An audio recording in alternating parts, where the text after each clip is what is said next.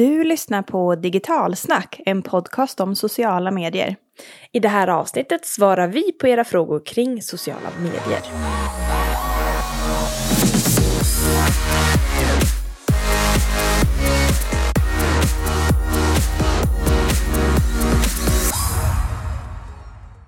Hej och välkommen till Digitalsnackpodden. Det här är ju podden som är ert bollplank i den snåriga sociala medievärlden.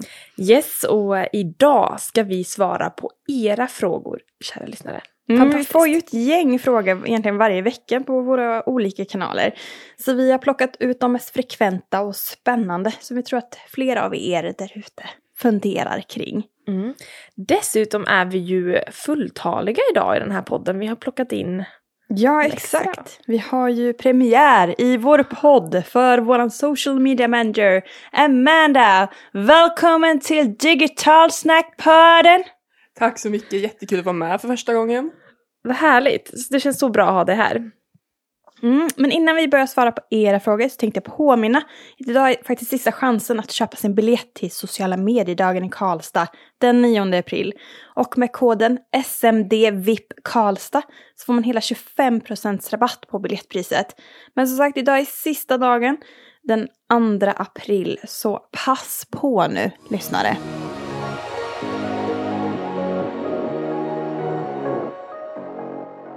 Vad är det för frågor då som har kommit in till oss som vi ska besvara? Vi har fått in väldigt mycket blandat, både från kampanjer och planering och mycket om vilka vi är också.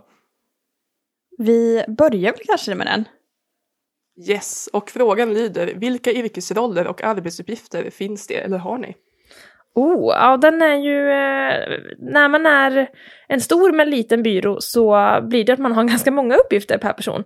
Jag, eh, Jenny, då, är ju både delägare, sen är jag ordförande i styrelsen och sen är jag ju vår specialist kan man säga då inom annonser, kampanjer, allt som har med så här mätning, målsättning och analys att göra. Enkelt blir det också att det är jag som skriver rapporterna i det fallet. Sen så har jag ju HR som en liten extra del. Och så får vi inte glömma bort att jag har litet ansvar att försöka få ut varumärket i Finland också, som är landet jag kommer ifrån. Et toivottavasti saadaan paljon kuuntelijoita myös Suomessa tulevaisuudessa, eihän sitä tiedä. Mm, exakt så. och jag och Cecilia är också delägare i Digitalsnack, också vd. Det är jag som tycker om att fakturera och skicka offerter i det här gänget. Ehm, jag har också huvudansvaret för försäljningen och utveckling av det här bolaget. Sen är det här med lilla bebis som vi sitter och pratar i nu. Det är podcasten Digitalsnack som var min idé 2016 och som vi fortfarande håller på att utveckla. Och sen har jag även hand om våra event som då är sociala mediedagen. Våra utbildningar, workshops och älskar det här med strategier och sätta planer. Det är min fetisch kan man säga. Amanda då, vad pysslar du med i Digitalsnack? Ja, eh, som sagt så är jag social media manager och det innebär att det är jag som är huvudansvarig för allt innehåll, både för våra egna kanaler och för våra kunder. Det är både det copy, det är bilder, det är foto, film, illustrationer och sen jobbar jag också, jag gör också en del annonseringar när jag sponsrar inlägg på sociala medier och vi jobbar också med tävlingar. Det gör vi gemensamt men det är jag som brukar göra ansvaret för innehållet som sagt. Härligt. Och um, om vi går vidare raskt till nästa fråga så handlar ju den om vad vi tror, um, alltså vilken typ av utbildningar och kunskaper som efterfrågas i den här branschen framöver. Mm, och som ni hör så är sociala medier ganska brett. Eh, och man behöver verkligen hitta sin passion i den här otroliga snåriga djungeln. Som ni hör när vi presenterar vad vi gör så är det ju tre helt olika profiler egentligen. Amanda som är den kreativa själen kring oss. Jag som tycker om strategier och Jenny som tycker om eh, analys och siffror. Så att man behöver hitta liksom sin del som man vill utveckla först och främst. Är jag en kreativ person och vill jobba mer mot innehåll och det kan vara allt från att vara superduktig inom film eller foto eller copy eller vad det nu kan vara. Eller så gillar man att nörda ner i Google Analytics eller Facebook-analys eller vad det nu um, Så att man behöver hitta sin passion, liksom första delen till vad man sen kan söka sig till för utbildning. Och det beror också på vad företaget söker för personlig kompetens också som kompletterar. För oss var det att vi behövde den här kreativa ådran som Amanda kom in och kompletterade oss. Så att, eh, ja, det är ju så brett så det är svårt att täcka in liksom och kunna allting hos en person. Verkligen, så en specialkompetens behövs. Ja, det är svårt att ha egentligen en utbildning som vi har, vi har inte hittat någon själva som vi tycker riktigt uppfyller det man ska kunna för att jobba med sociala medier helt. Du kan alltid hitta delar av det men sen är det många saker som, typ jag har en utbildning som är mer grafisk design Mm. men jag har saknat den delen som är med analys och eh, sponsring av inlägg, kampanjer och sånt. Så man får liksom plocka ihop lite grann som Cecilia var inne på. Så utbildning kanske inte finns än. Punkt, punkt, punkt, punkt, punkt. Ja, Cliffhanger! ja lite grann. Mm. Ja, nästa fråga går till Jenny och det är om det finns någon manual till hur man skapar och hur man ska tänka när man gör annonsgrupper och kampanjer i Facebook Ads Manager.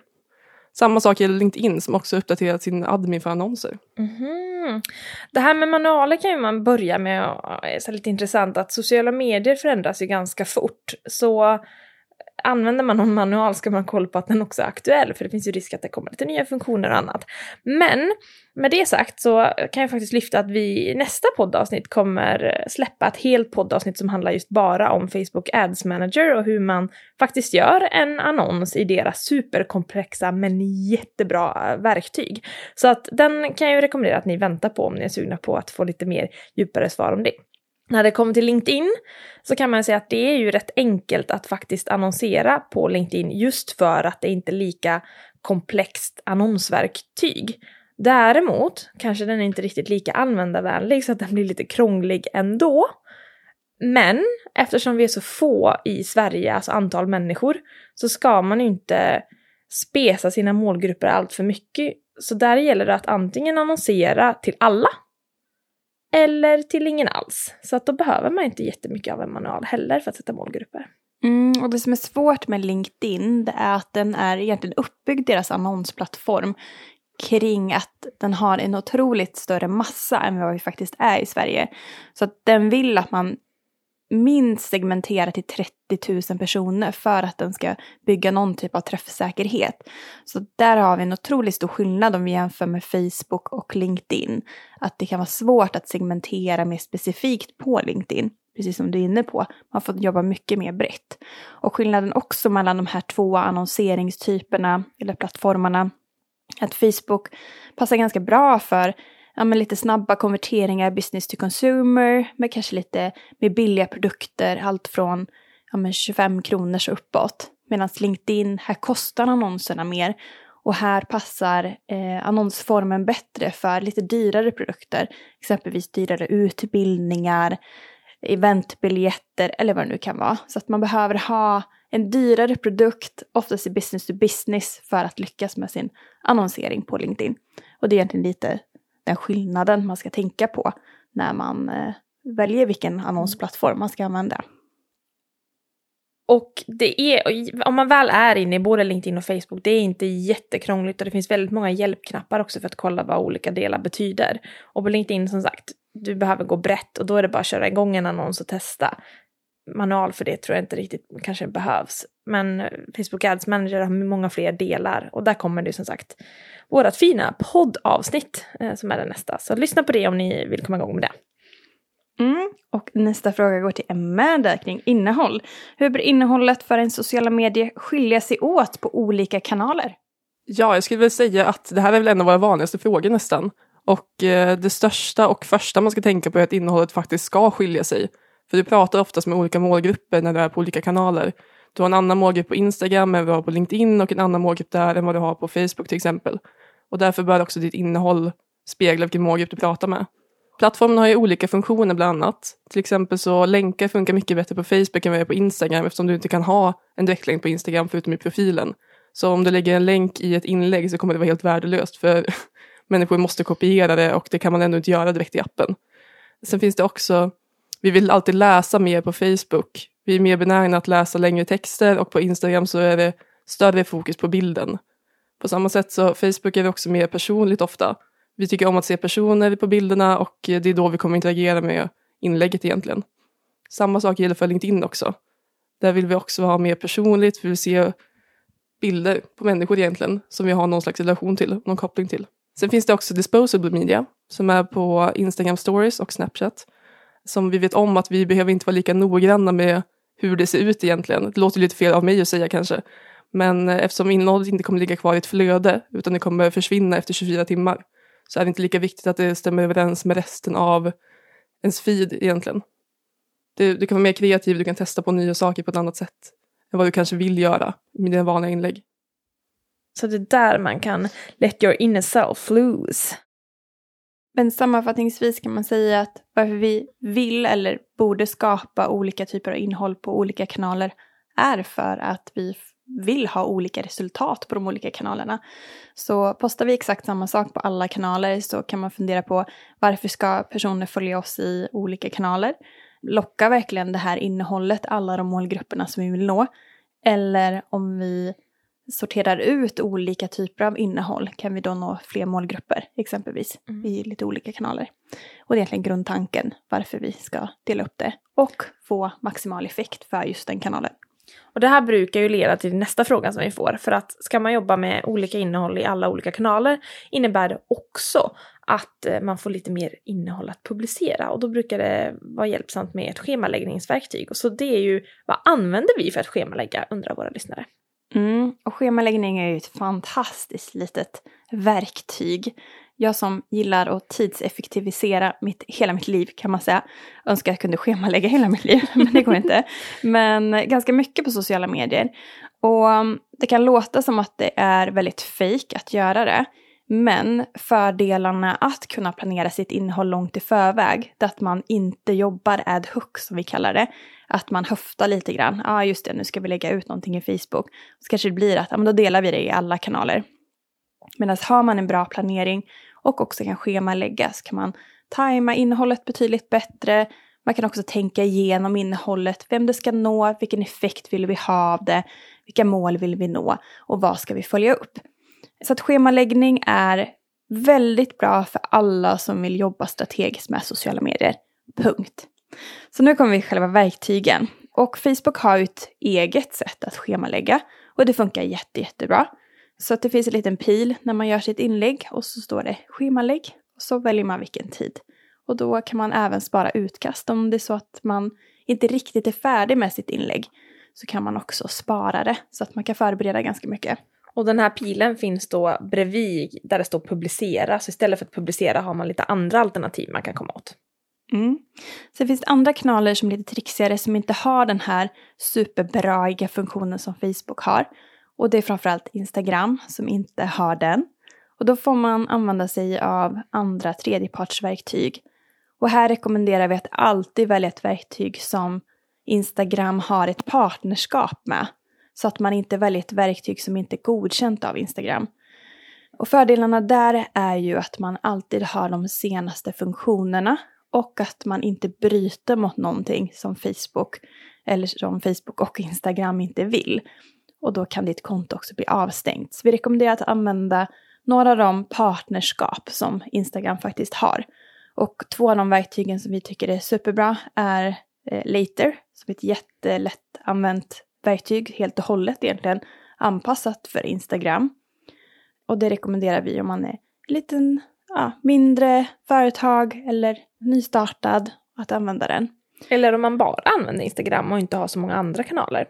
Mm, att man väljer att kan man lägga på Facebook och sen använder man later till Instagram. Det är ett perfekt sätt att effektivisera tiden. Men om man vill ha det lite mer kraftfullare så jobbar vi också i Falcon.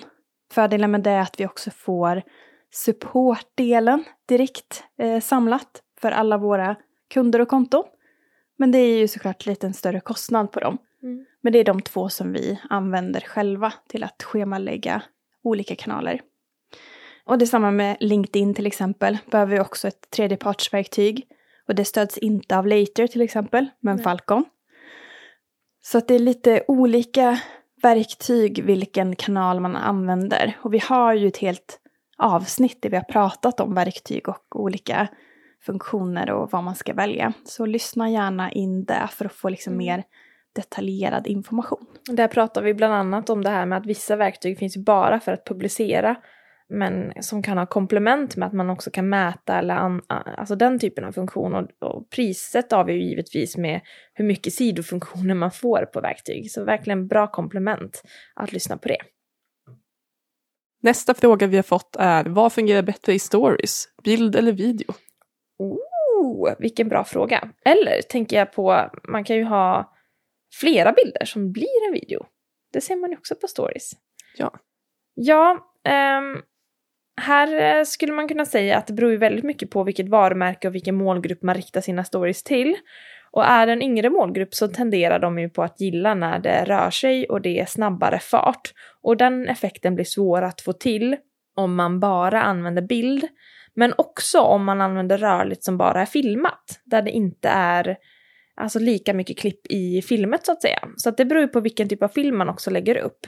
Och här är det nog allra, allra bäst egentligen ofta att testa med sig själv också vilken typ av innehåll som fungerar just för din målgrupp.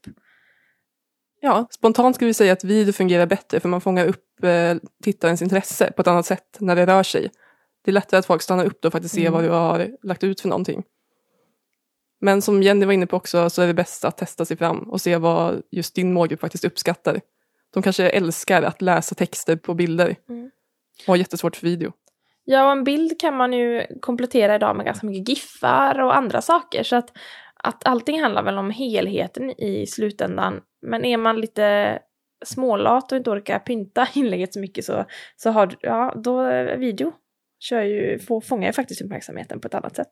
Mm. Och man ska tänka på att stories heter det ju på engelska. Så man ska bygga upp en storytelling i sina små stories. Så att när man klickar på den första så vill man se den andra och den tredje. Så att de inte ska ligga lite random.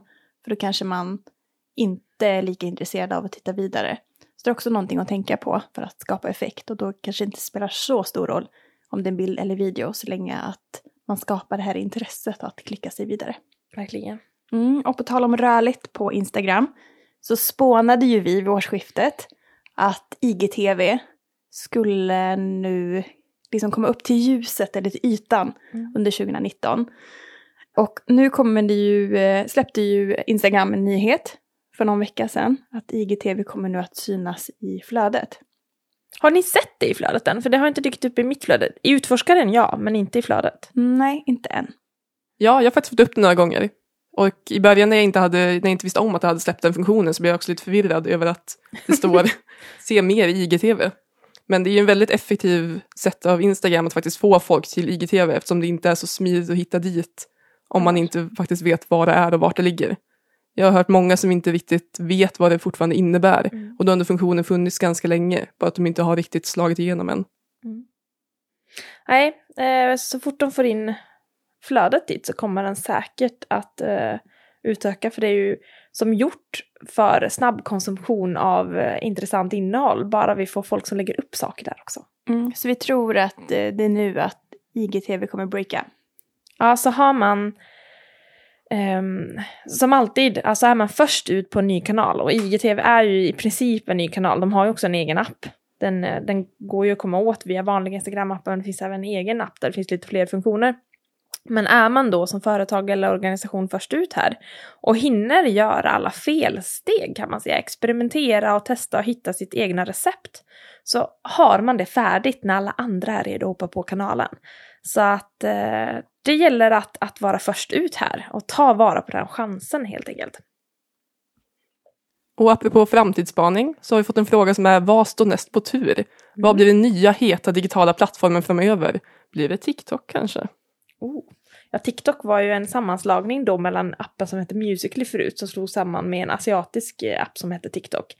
Och vad jag förstod det så Musical.lys användare var ganska liten andel av de som faktiskt blev i den stora appen. Mm. Vad tror vi om TikTok?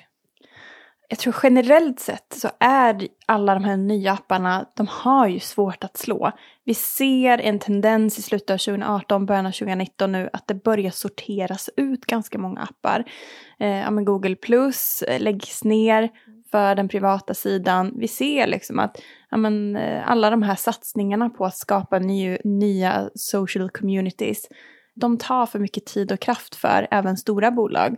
Så man börjar sortera i sin grund.